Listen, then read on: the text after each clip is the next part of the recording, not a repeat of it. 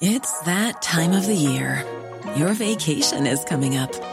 You can already hear the beach waves, feel the warm breeze, relax, and think about work. You really, really want it all to work out while you're away. Monday.com gives you and the team that peace of mind. When all work is on one platform and everyone's in sync, things just flow wherever you are. Tap the banner to go to Monday.com. When you're ready to pop the question, the last thing you want to do is second guess the ring. At Bluenile.com, you can design a one of a kind ring with the ease and convenience of shopping online. Choose your diamond and setting. When you find the one, you'll get it delivered right to your door.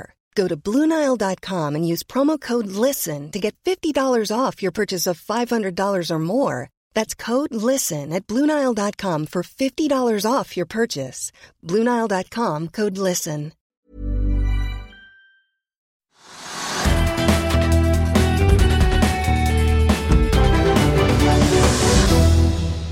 Til Økonominyhetene. I dag på besøk av Reiner Inndal fra Summa Equities. Vi skal også se nærmere på hva som rører seg på Europa-, Asia- og USA-børsene. Vi begynner her hjemme med Oslo Børs. I dag er vi ned 0,4% Trygve, med tanke på hva som ble delt fra ECB i går. Wall Street-fall og knallrøde børser i Asia. Er det kanskje ikke så rart? Nei, altså det var forventet at markedet ville falle litt i og med at det var så svakt både i USA og Europa i går. Men så er det da også oljeprisen litt ned i dag, ikke mye. Eh, slik at liksom lettoljen ligger rundt 55 dollar på fat og brenten på 65. Og så den 65 tipper kanskje ned på 64.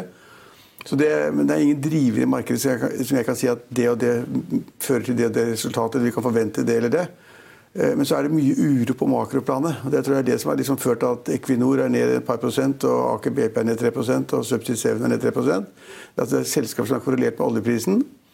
Eh, og ganske kraftig også. Og selv om da oljeprisen bare er bitte litt ned, så har vi hatt det store spørsmålet på, i, i, Norge i dag. Da, hva, Norges, hva oljefond skal gjøre med oljeaksjene sine. Ja, for Regjeringen vil nå trekke seg ut av sånn typiske oppstrømsselskaper. Ja, ja, og det er en ganske stor sak at de bestemmer det. Og de får ganske store implikasjoner, vil jeg tro.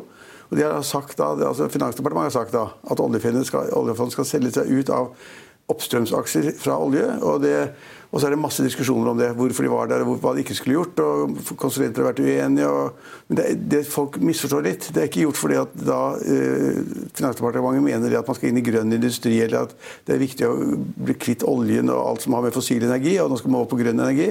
De begrunner dette helt saklig og fornuftig med, og rasjonelt med det at Norge er veldig mye eksponert da, mot oljen, i og med at vi har masse olje liggende på havbunnen, altså under bakken. Og så har oljefondet da veldig mye oljeaksjer. Og så eier Norge også da store egenandeler i den oljeformen vi har i Nordsjøen, i Nordsjøbassenget. Og de, Noen mener da at den risikoen ved et plutselig stort oljeprisfall er for stor. Man kan kompensere det litt og si at da bør vi gå ut av noen oljeaksjer. Og så var det meningen at man skulle gå ut av alt som hadde med olje å gjøre. Men så endte man da opp med det at man bare skal gå ut av, oppstrøms, gå ut av oppstrømsselskapene, som er mindre andel. Ja, De går ikke ut av Equinor? Nei. Øh, nei. Det er jeg ikke sikker på, jeg har ikke sett på de enkeltaksene. Men det sto at de ikke skulle gå ut. Ja, men iallfall så er det et godt poeng det at de skal ut. og Det, de gir noen signaler. så de, Jeg følger ikke så godt med på internasjonale oljeselskaper, men det har vært en liten justering ned. At folk liksom engstelig hva er det som foregår. og Skal da oljefondet i Norge selge ut alle oljeaksjer? Det betyr kanskje press på kursene, kanskje ikke.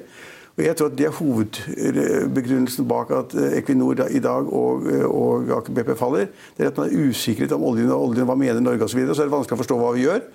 Så den usikkerheten som ingen liker, den har medført av det fallet vi har hatt. Det er den eneste viktige driveren på Oslo Børs. Ja, altså de, Som du sier, så jo, vil jo da liksom helgardere seg mot det de kaller et varig oljeprisfall. Og Hvis vi ser på hva som skjer i USA denne uken, har jo både Chevron og Exxon varslet at de kommer til å vokse betydelig innenfor skiferolje. Vi vet at skiferoljeproduksjonen er skyhøy, og som også kan bidra til å legge press på oljeprisen i overskuelig fremtid. Ja, det vil jeg tro, men jeg tror ikke det altså, svingninger i oljeprisen nå kontra det valget man her gjør. Det er, liksom, det er, det er noe lengre og større og så videre, at man da skal ta ned eksponeringen og risikograden. og Det er helt riktig, det er riktig tenkt og det er riktig økonomisk tenkt. Så det man gjort, så det er den ene store ting på Oslo Børs. Det er en ganske kjedelig dag da, når børsen er ned en halv prosent. Men det andre store som på en måte er egentlig viktig, og som man står for lite om, det er det som skjedde da i den europeiske sentralbanken i går. Hvor de hadde rentemøte, og hvor da de signaliserte det at eh, veksten som var anslått til å bli 1,7 eller 1,8 i år, den ble nedjustert til 1,1% Det er et kraftig fall. Kraftig liksom revurdering av hva man kan forvente av den økonomiske utviklingen i Europa. Eh, og det likte markedene dårlig. Og så understøttet de det synet av BNP-veksten. BNP svake veksten, med det at man ikke ville komme med noen renteøkning og ikke komme med noen rentebaner eller som tilsa at man ville komme med de renteøkningene man hadde trodd tidligere. Og Det likte markedene heller ikke noe særlig godt. Og Valutamarkedet reagerte jo voldsomt på rentebeskjeden også? Ja, ja altså det henger sammen. Altså, norske kroner har svekket seg ganske kraftig. Det er litt komplisert og, og, og i resonnementene, men det, nå er jo dollaren 8,80 og euroen 9,90, eh, altså på full fart på 10 kroner, og pundet 11,40 osv. Slik at norske kroner har svekket seg kraftig. Og så kan man spørre seg liksom, hvorfor det, og det, det, blir veldig komplisert å si. Det er sikkert et sammensatt bilde av hva som skjer på oljefront og ja, men, på ja. uten, av utenlandsdrivere? Det, det, jeg tror, da Dette har jo kommet uh, veldig kort, altså rett på, men altså det jeg tror, det er det at uh, man tenker at hvis da den, den europeiske sentralbanken ikke skal sette opp renten, men kanskje senke den fordi veksten er lav, og man har jo negativ rente på innskuddsrente allerede, så vil da den relative renten for Norge bli altså Hvis renten Norge skal øke sin rente, og Norges Bank har jo sagt at de skal, kommer til å øke renten, det er bare snakk om noen dager, og så skal de øke to-tre ganger til i løpet av 19, 2019 og 2020. Og Da blir på en måte da rentenivået i Norge ganske høyt i forhold til da resten av Europa, hvor hvis da sentralbanken holder renten uendret. Og En høyere rente i Norge enn de andre landene kan da medføre at veksten i Norge også blir svakere.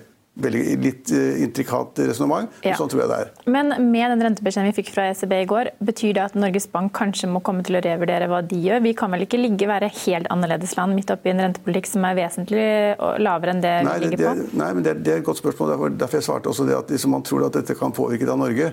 Så hvis Norge ligger da litt for høyt relativt sett til eh, Europa, så kan da kanskje da ikke Norge gjøre det. og så kan man ikke da heve rentebanen eller heve renten i det hele tatt. Eh, og da vil ikke da norske kroner være like attraktiv etter tradisjonelle kriterier. Det tror jeg er, det er hele løsningen på det. Det er ganske komplisert. Og så vet man ikke hva det blir, og så er utgangen uklar. og derfor så er det nesten ingen andre aksjer som har reagert på det som har skjedd. For det er for mye makro, det er for mye renter i Europa, det er for mye renter i Norge fremover. Eh, og så er det usikkerhet om hva oljeprisen vil, hvor den beveger seg etter det som har skjedd, når, når, når Finansdepartementet sier at de skal ikke ha olje, i porteføljen, eller oljeaksjer, oppstrømsaksjer i porteføljen. Og så vil jeg garantere en ting, og det er hvis du leser aviser i morgen, så vil masse da såkalte miljøaktivister eller grønne partier eller andre si at dette er fantastisk fint, dette er det vi har ventet på hele tiden. At Norge nå skal selge seg ned i, i fossil energi. Det er ikke det det går om. Nei, Men da kan vi kanskje regne med at det er en annen som kommer til å skrive mer om det i avisen i morgen, da? Ja, nå har jeg skrevet noe enklere i morgen. Veldig kort. altså Norwegian eh, har fått en eh, oppgradering faktisk av Morgan Stanley fra undervekt til nøytralvekt. Men samtidig så fjerner altså Morgan Stanley kursmålet. De har da et eh, best case scenario hvor de har et kursmål på 115 kroner, og et worst case scenario hvor kursmålet er null. Ja, det er et, også et resonnement. Det jeg vil si, Vi har snakket om Norwegian nesten hver dag i de programmene. Og Det er det at det er nesten umulig å si hvordan det går med Norwegian nå. Altså, klassisk sett fra min side som investor eller annen, så er selskapet helt, Casey helt håpløst med en vanvittig gjeldsgrad og masse, 150 nye fly som kommer inn osv. Og, og masse usikkerheter og, og, problemer eller usikkerhet i forbindelse med drivstoffkostnader som da går opp når oljeprisen går opp osv. Så, videre. så det caset blir aldri rørt. Så Derfor kan du godt si at det er ganske interessant at noen har et, en, en, guiding på over 100 kroner, noen har en guiding på null. Og, og Derfor skal man ikke være der. Nei. Det er en aksje man skal ikke være i. Vi nevnte så vidt eh, shipping i går. Eh, DNB nedjusterte jo eh, nesten alle shippingområder. Og I dag så har da Golden Ocean blitt nedjustert kursmålet fra 95 til 59 kroner, fordi tørrbulkmarkedet har måttet lide under handelsuroen mellom USA og Kina. Ja, Sannsynligvis. Jeg, jeg, sier ofte at man må, liksom, man må, ikke bare velge selskap man skal være i, men man må velge da sektorer og bransjer man skal være i. Og, og shipping og tørrlast skal man ikke være, for det er så mye usikkerhet igjen. Det er internasjonal handel, det er frakt, tørrlastfrakt med kull, det er tørrlastfrakt med jernmalm fra Brasil til Kina som ikke er der, fra kull fra Australia til Kina som ikke er der. Og Hvis veksten i verden går ned, sånn som da fikk eksemplene fra uh, den, europeiske sentralbanken i går, med en kraftig nedjustering, og hvis det på en måte smitter over i andre land og blir større i andre land, så vil det bli mindre behov for tørrlasttonnasje. Og det er en veldig usikker bransje. og Det vil jeg tippe at det vil, det vil jeg ikke rørt på ett eller to eller tre år. Og Derfor er det da helt logisk at da noen meglere, sånn som DNB Market, de nedjusterer da, de tar ratenivå som de antisiperer fremover, de tar det kraftig ned både ett til to år fremover. Og det utløser jo også da nedjusteringer av kursmål og ja. anbefalinger. Ja. ja. Kester, de var jo kraftig opp i går. De har blitt enige med Repsol om kjøp av oljeeiendeler i Quebec i Canada. Og Pareto mener at aksjen er en klart doblingskandidat, har et kursmål på fem kroner. Mens Sparebank1 Markets mener at oppsiden kan være spektakulær. Ja, etter dette kjøpet. Ja. kan ta med at Siem Offshore er opp 8% De har jo hatt et, et av deres konstruksjonsskip har vel fått en treårig rammeavtale. Og Targovax stiger noen prosenter på nesten 4% på at amerikanske myndigheter har godkjent da patentsøknaden for sammensetning av to vaksiner. Dette er da vaksiner som stimulerer immun- immunforsvaret mot å bekjempe kreft. Med å bekjempe kreft, ikke mot. Ja. Bra. Etter vinner- og taperlisten har vi med oss Reiner Rindal fra Summa Equities. Vi tar med oss oljeprisen. Brentollen er nå opp 0,7 til 65 dollar og 7 cent. Dagsomsetningen på Oslo Børs er nå 1,7 milliarder kroner.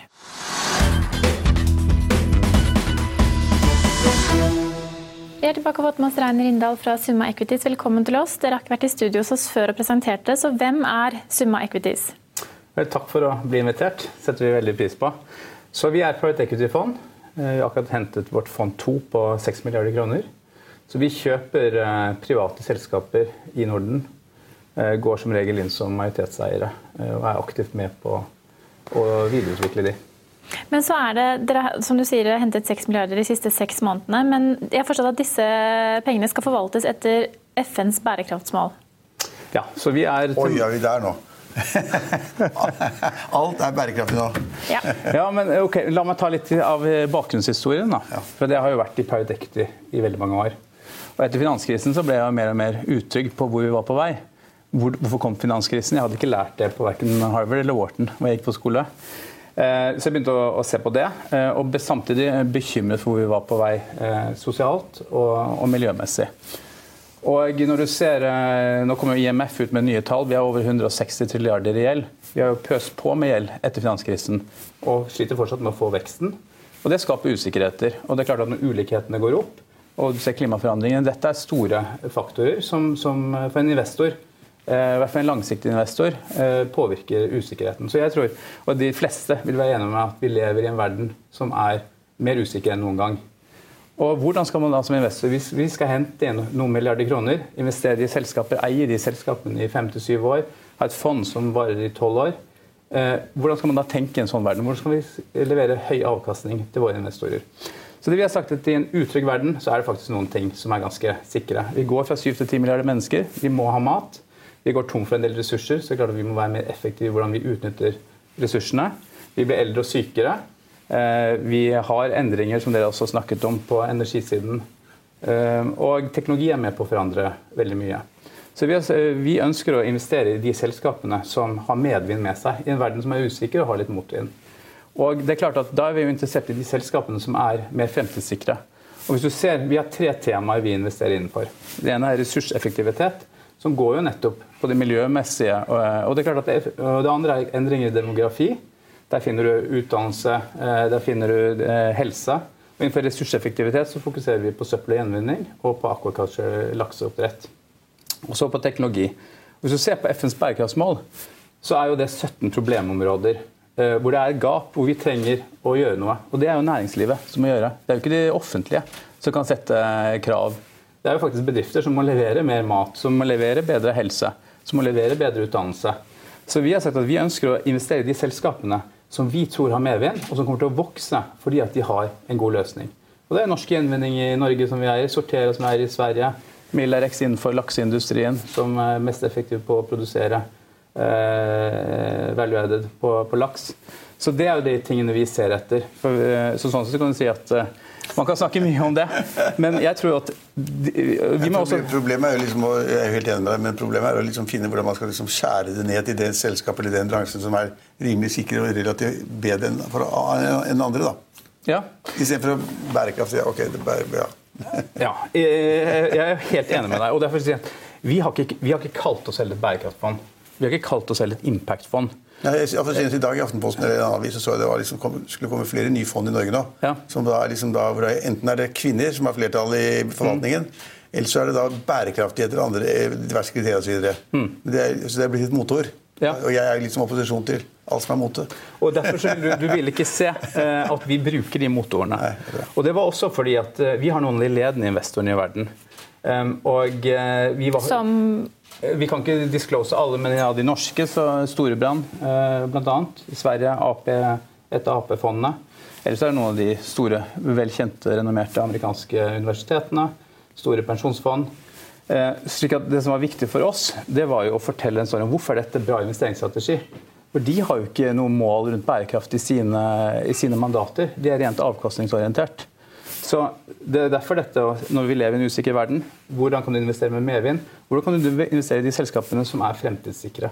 Vi skal eie disse 5-7 år. Antagelig skal vi selge det til noen som også tenker 5-7 år. Så jeg må tenke 10-15 år fram i tid. Og Da blir det litt viktig å tenke liksom, hvordan kommer klimaforandringer til å påvirke våre selskaper. Hvordan, eh, hva tror vi om lakseindustrien på 10-15 år? Ja, hva tror vi om den, Trygve? Det har jeg vært veldig sterk tilhenger av, men jeg var litt dum og solgte meg ut av den for tidlig. Ja, som Trygve var innom Marine Harvest og etter Movie. Men, men lakseindustrien, eh, bærekraft og lakseindustri vi, Det er jo mange ringvirkninger av lakseindustri nå. Det vil ikke, vil ikke kalle det nødvendigvis en grønn sektor. Sånn... Vi ser jo på, på nettoen, og så ser vi også på hvor den er på vei. Hvis du ser på nummer to i FNs bærekraftsmål, så er det zero hunger. Så det er klart Å produsere mer mat enn økende befolkning, det må vi. Nummer tre er helse. Det er klart at I forhold til rødt kjøtt det er mange som switcher til omega-3 og, og, og, fisk. 13. Klimaforandringene. Ikke kutter vi trærne, ikke bruker vi eh, ferskvann. Altså, rødt kjøtt kan du ikke satse på, for det vet vi er en taper over lang tid. så er Det er jo en taper. Så man kan, kan stritte imot, men det er en taper over lang tid. Og tid, det er jeg sikker på. Ja. Og hvis Du ser, du bruker litt over én kilo fôr for å lage én kilo fisk. Prøv å sammenligne det med noe som helst annen proteinproduksjon. Så er det nummer 14, liv under vann. Der har vi en utfordring. Norge er den som har kommet lengst. I'll see you in court. Vi sier det ofte litt på spøk, men for deg som driver business, er det aldri moro å innse at du ikke har laget en 100% gyldig kontrakt. Du bør ikke risikere hele firmaet ditt fordi du synes dette med kontrakter er litt stress. En avtale er ikke en avtale. Du kan miste kunder, miste venner, ja, til og med miste inntekter om du ikke lager en skikkelig kontrakt, på alt mulig, egentlig. Men vi vet det er et styr. Kopimaskiner, tregprinter og haugevis av papir. Dessuten stoler vi jo på folk her i landet. Det er ofte litt kleint å skulle be om en signatur for alt mulig, ja, for mye av styret handler også om jakten på underskriften. Det finnes en enkel måte å løse dette på, Dukkobit, en trygg, effektiv og get this, gratis måte å sikre seg en god natts søvn pluss en juridisk bindende avtale. Dukkobit-appen har de strengeste sikkerhetskrav i bunn, samt en EU-godkjent og sertifisert teknologi. Framover vil det bli behagelig å spørre du, skal vi skrive under på det, eller? Kom i gang på dukkobit.no. Vi bruker ikke antibiotika, vi har streng regulering. Hvis du ser hvor mye spennende som skjer på teknologi, og hvordan den er utviklet vi har Mattilsynet har full fokus på det, alle har full fokus på det. Nå var jeg på Sjømannsmessen i Bergen på onsdag. Det er utrolig mye snakk om uh, nummer 14, som er negativ. Så jeg vil si at Industrien uh, overall er positiv, for den er så positiv på alle de andre målene. Og så jobber vi med nummer 14, som er negativ, og den går i riktig retning. Og jeg tror vi kommer til å være der. og at, Derfor så tror jeg at dette kommer til å være en av de mest fremtidssikre eh, industriene innenfor matproduksjon i veldig veldig mange år. Men vi må fikse nummer 14. Så det, Vi ser jo på mange investeringer som er interessant, som nettopp er med på å løse de tingene. Jeg er helt enig.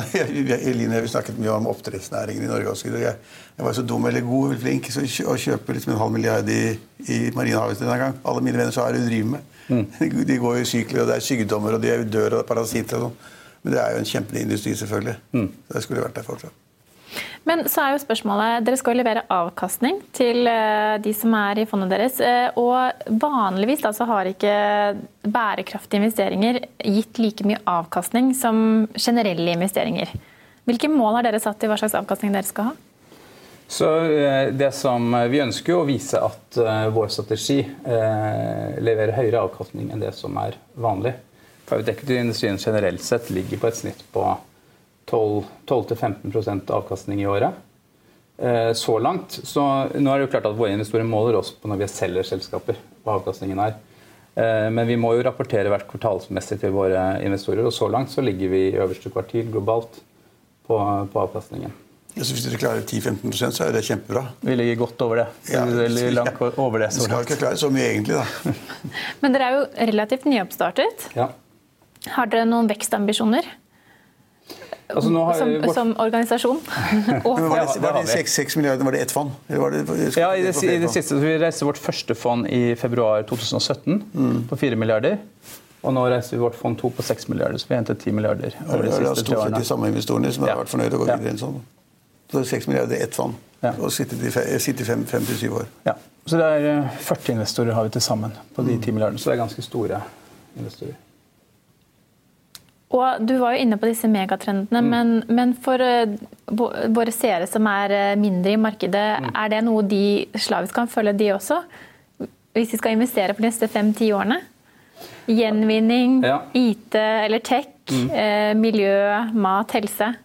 Ja, altså jeg tror jo dette, Men du ser jo i noen av disse industriene så er multiplene ganske høye og prisingen ganske høy. Se på helse. Så det er jo mange som har sett lenge at her er det megatrend. Hvis du tar eh, en kjedeligere bransje som gjenvinning, så har det vært veldig lave multipler. Det er ganske billig å kjøpe seg inn i den sektoren. Og det tenker jeg at noe nå Med det som har skjedd med Kina, hvor de stenger grensene, hvor en, eh, alle nå er fokusert på plast og hva som skjer i hele gjenvinningsindustrien, så tror jeg at der er det jo muligheter å kjøpe seg inn eh, på rimeligere multipler og få med seg en vekstsykkel som jeg tror blir Så det er helt grovt, grovt og helt uavhengig av bransje og selskaper og land. Og, det er tusen variabler. Mm. Men altså, hva, hva, er en, hva er en lav multiple på EBITDA? Er det det går på, eller på earnings, eller på Ja, vi, vi, Men det- vi tar- vi tar EBITDA da. Ja, på EBITDA. ja, vil, du da betale, vil, vil du da betale mer enn eh, altså, mellom 5 og 10 da? Og helst, helst på 5 og i verste fall 10-12, eller? Altså, eh, du må se på industrien. og Jeg syns jo noe er jo utrolig høyt priset. Ja, jeg det er forskjell på bransjen og forskjell på industrien. og forskjell på land. Men, men liksom, du har en sånn følelse av at liksom, mer enn det gidder jeg liksom ikke betale, for det blir for dyrt. Nei, vi, vi ser på eh, vi gjør en, eh? I og med at vi gjør bare tre til fire investeringer i året, Ja. og vi blir majoritetseiere, vi går inn og legger en femårsplan for selskapet. Hvordan skal vi drive veksten? Hva kan vi gjøre av forbedringer? Så blir det vanskelig for oss å ha et forhold til eh, et børsmarked, som du diskuterte tidligere. ikke sant? Ja. Og vi, vi evaluerer ut fra det selskapet. Noen ganger er det billig, noen ganger er det dyrt. Men tre selskaper i året det jo, høres, for, det høres jo fornuftig ut. Da må du jobbe ganske lenge for, for hver investering. Ja. Og, jobbe, og, og for å finne billige, selvfølgelig. Ja. Eller relativt billige, det som er rimelig priset. Ellers er det ikke ingen som kjøper det. Ja, men det kommer igjen på, på hva vi tror vi kan gjøre med det. Ja, Ja. Ja, ja. Sånn at Hvis du tar Sortera, som vi kjøpte i Sverige, som er nå tredje største innenfor søppelgjenvinning i Sverige, omsatte for 200 millioner når vi kjøpte det for to og et halvt år siden. Nå omsetter det for en milliard. Eh, EBITDA var da på, på rundt 60. Nå er den eh, 60? 60 millioner kroner. Nå er den rundt ja 60 eh, millioner kroner. Ja. Ja. Nå er den rundt 250. Så så det er jo og vi har ikke puttet inn noen ny egenkapital eh, i den perioden. så da kan jo... Generert inn i selskapet. Ja, og vi har lånt noen av disse oppkjøpene, og så har den hatt en sterk eh, organisk vekst. Vi kjøpte, kjøpte det på det som jeg vil kvalifisere for en eh, billig multiple. La, lav multiple, ja. Ja. Og så har, vi, så har vi gjort oppkjøp til enda lavere multiple som har hatt sterke synergier.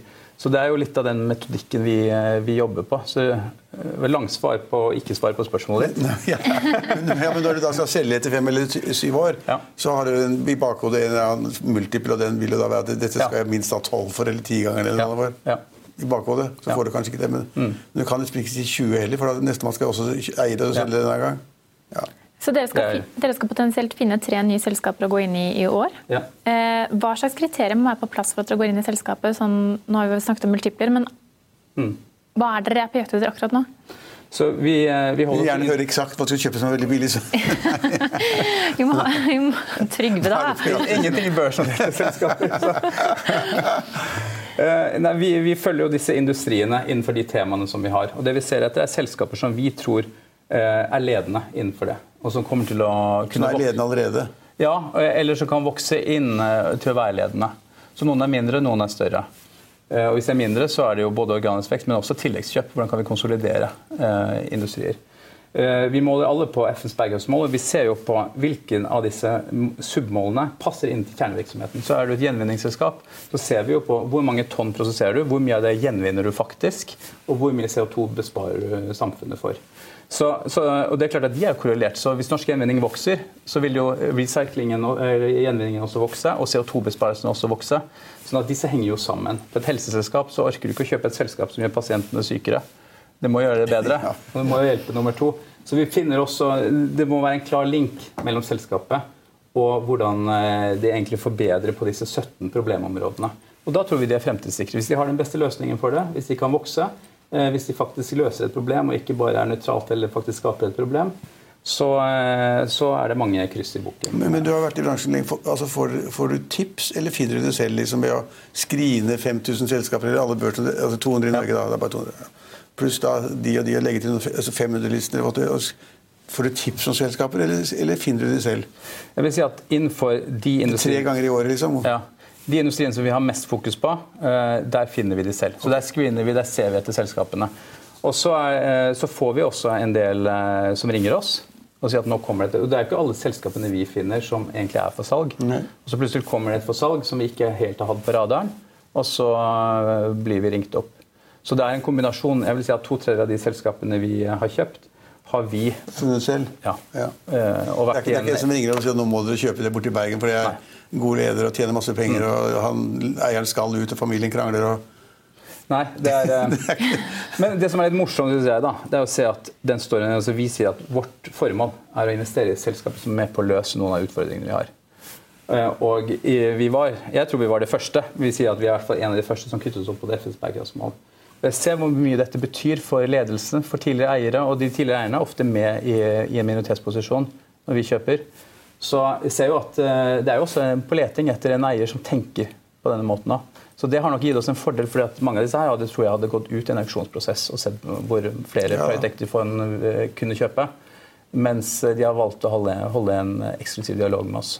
Men dere som jobber i Summa, er dere like grønne og miljørettede og helsefokuserte selv? Altså, Kjører du elbil? Jeg har bare elbiler. Ja, og, Jeg hadde hørt han sa elbiler. Ja. Ja, hvilke, det er flere hvilke, familier enn bare hvilke meg. Elbiler, hvilke elbiler har familien Inndal i Så, uh, bilparken? Jeg tror jeg har vært gjennom de fleste. Og eh, selvfølgelig har vi en Tesla. Ja. Eh, Elon Musk var jo en av mine gode venner på, når jeg gikk på college. Så med viss lojalitet må jeg ha der. Eh, eller som BMW I3. Eh, og så har vi akkurat fått en eh, Jaguar E-Pace. Jaguar har du fått selvfølgelig, ja. Det er den siste. Ja, det er en bra bil. Så, Men kollegaene dine også, er det, er dere altså, kjører dere vegetar i lunsj og spiser Nei. fisk? og Er det, grøn, meat free, er det meat free Monday? Jeg, jeg, tror ikke, jeg, tror ikke, vi gjør eh, skårer ti på alt. Men det er en gjeng som er veldig bevisst på det. Og Siden det er kvinnedag, så er jeg også veldig glad for å si at liksom, det er ingen andre som har så høy kvinneandel på investeringssiden som det vi har i private equity. Og Der henger det nok litt sammen. Ja, ja, ja, vil høre. Hvor mange, er, hvor mange er det med deg og andre som, som driver forvaltning eller finner selskapene eller regner på det? Hvor mange er det? Så vi er, eh, vi er tre av elleve som er fast ansatte som er kvinner. Så, Tre av elleve som er kvinner? Ja, så 25% eller noe. Det var en dårlig prosent. Det var en dårlig andel. Nei. Men se på private equity generelt sett, da. ja. Men så har vi, vi, Tre av elleve er ikke noe å skryte Tre av elleve, det er, det er 25 ja, Men så har vi en del principles som jobber 50% hos oss. Der er vi flertall kvinner. I styret vårt er vi 50 kvinner. Eh, styrelederen vår er kvinne. Anna Riot, som ledet Swedfund og eh, velkjent i Sverige innenfor bærekraft. Ja. Så vi har eh, Men poenget mitt var egentlig at det, det, det som er Dere er våkne for å følge med, det skjønner jeg. Jo, men det som er interessant, det er at noen av, eh, spesielt på, på kvinnesiden, vil jeg si, hadde nok ikke vært interessert i å jobbe i private equity hvis ikke det var for at vi hadde det fokuset vi hadde.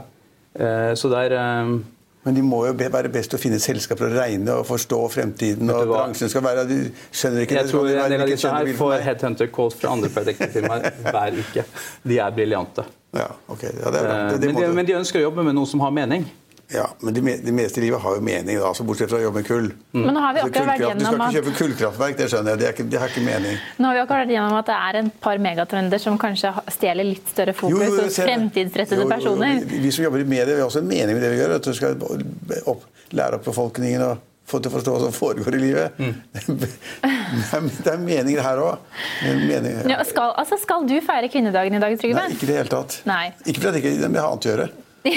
ikke for å er imot kvinnedagen. Det er veldig bra at vi har en dag, faktisk, men jeg, har ikke, jeg har ikke tid til det. Nei. Men, men uh, sikter inn mot høyere kvinneandel, har kvinner i ledende posisjoner og er veldig uh, fokusert på FNs bærekraftsmål. Men bare, bare, Det gikk jo litt fort, og litt humor her også. Altså Tre av de elleve de er, de er, de det jeg vil kalle forvaltere. Da. eller Jeg har ikke jobbet i Equity, så jeg vet ikke hva, de, hva de kaller seg.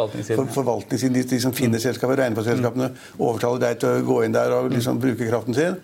På forvaltersiden de er tre av elleve. Ja. Ok. Mm. Og, og hva, hva, var det du sa det gjennomsnittlige andelen var hos de andre selskapene eller konkurrenter er, i bransjen? Nei, men det vet jeg faktisk ikke, men den er lavere. Ja. Um, og, men det vi er opptatt av, det er jo uh, det er ikke bare kundeandel, men det er diversitet. For vi skal jo være eiere, så, vi, så du må jo ha litt ulike syn på tingene. Og uh, mm. du må forstå ulike aspekter av ting. Så, så det opplever jeg at vi tar bedre beslutninger ved å ha mer diversitet. Og da tenker jeg på bakgrunnen òg. Ikke bare komme fra finansbransjen og jobbet med Excel, men faktisk hatt operativ ansvar og skjønner skjønne hvordan organisasjonen fungerer. Altså, Hvordan setter du sammen men jeg, har et team? Jeg har i mange år nå jobbet ganske tett med jeg kan ikke bransjen din i det hele tatt, men jeg har jobbet ganske tett med et, et fond som er Englands, TDR i England, som kjøpte Hurtigruten fra meg. Eh, og det er jo bare menn hele tiden. Jeg har ikke sett en kvinne noen gang for de, de fire-fem årene. Men de er veldig flinke. Og jeg tenker jo aldri kjønnet sitter sammen med dem. Mm. Nei, og det gjør ikke vi heller. Vi, vi gjør heller ikke det. Hvis han der hadde vært et annet kjønn, mm. så ville liksom han kommet med bedre råd til meg eller sagt at vi skulle gjøre sånn eller mm. sånn. Det tenker jo aldri sånn, da. Nei, det gjør ikke vi heller. Nei, det skal man ikke gjøre heller. da. Så det er, eh, det er Men det er klart at Reini må passe på damene hvis det ringer eh, konkurrenter hver uke og vil ha ja, dem. Så, så, da ja, tenker jeg, da, da, har han sikkert fått noen som er veldig flinke. Det tror ikke han har valgt dem pga. at de har vært kvinner. Eller lærte jeg på det. Klart det er en prosess der jeg ser det. Mm. Men, men, jeg vil bare gjenta meg selv nå. jeg, jeg, kan, jeg, prøvde å tenke tilbake i de årene jeg har sittet med TDR. Da, TDR så er det ikke én gang jeg har tenkt liksom at det hadde blitt annen, et annet resultat, eller kanskje blitt bedre, eller de hadde sagt det smartere, eller vært mer logiske hvis det hadde sittet en annet kjønn foran meg. Det tror jeg ikke. Nei. Det, det, det, det, tror jeg ikke på. Men jeg tror at beslutningen hadde vært smartere og bedre. Men... ja, så der, der, er faktisk lov å ha ulike meninger, ja, Hegnar, spesielt kanskje i dag av alle dager. Men, men hvis du selv da skulle pointe ut den bransjen som du syns er mest spennende av de du har nevnt, hvilken er det? Av disse helse... Han kan ikke si det, for han skal jo kjøpe noe der. Nei, og... Nei det er lov å ha en favoritt blant favorittene. Ja, men... Nei, Det er som å spørre hvilke av barna liker du best. Ja, Noen liker yngstemann, og noen liker yngste. Det er så spennende, alle de tingene. Når du graver deg ned og ser hvilke muligheter som fins. Altså, det å bli excited over uh, søppel Men jeg er jo like excited over helse og det som skjer, og lakseindustrien. Alle de mulighetene som finnes der. Så, men, men helse har jo, altså, I de siste ti årene så har jo helse i Amerika vært liksom Alle skal være helse, det er trenden, og det er megatrenden. Mm. Helse, og det, det er jo sant. Sykehus og andre ting. Men det er veldig sjelden jeg hører om noe sånn supersmart eller noen som har vært inne og gått ut med kjempefortjeneste. Eller, for det er så utrolig masse av det. Så liksom bredden er så stor, så liksom, hva skal man velge? Altså, jo, der skjer det mye nå. Nå, vi ja, med, nå annonserer vi en ny, nytt oppkjøp eh, neste uke. Som eh, Innen helsesektoren? Ja. ja. Og det selskapet vokser med over 100% i året. De er lønnsomme, og de, de revolusjonerer en, eh, et segment innenfor helsebransjen. og Det er derfor de gjør det så bra. Så det er, det skjer, det, Forandringen skjer veldig fort. Ja, Og så går det an å finne noe altså, da, som ja. er mm. Da er det bare for oss å følge med neste uke. og Takk mm. for at du kunne være gjest hos oss i dag. Vi skal videre til de tekniske grafene for hovedindeks, brent og valuta.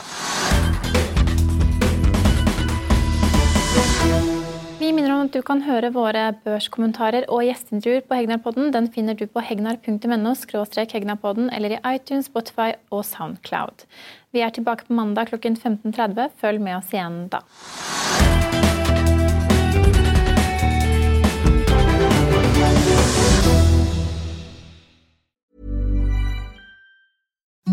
Imagine the softest sheets you've ever felt. Now imagine them getting even softer over time. That's what you'll feel with Bowl and Branch's organic cotton sheets. In a recent customer survey, 96% replied that Bowl and Branch sheets get softer with every wash. Start getting your best night's sleep in these sheets that get softer and softer for years to come. Try their sheets with a 30-night guarantee. Plus, get 15% off your first order at bowlandbranch.com. Code BUTTERY. Exclusions apply. See site for details. Hi, I'm Daniel, founder of Pretty Litter. Did you know cats tend to hide symptoms of sickness and pain? I learned this the hard way after losing my cat, Gingy. So I created Pretty Litter, a health monitoring litter that helps detect early signs of illness by changing colors, saving you money and potentially your cat's life. Pretty Litter is veterinarian developed, and it's the easiest way to keep tabs on your fur baby's health right at home. Go to prettylitter.com and use code ACAST for 20% off your first order and a free cat toy. Terms and conditions apply. See site for details.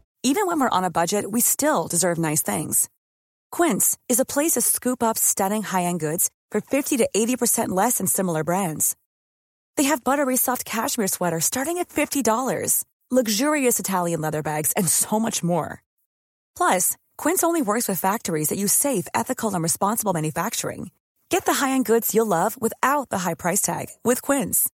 Go to quince.com slash style for free shipping and 365-day returns.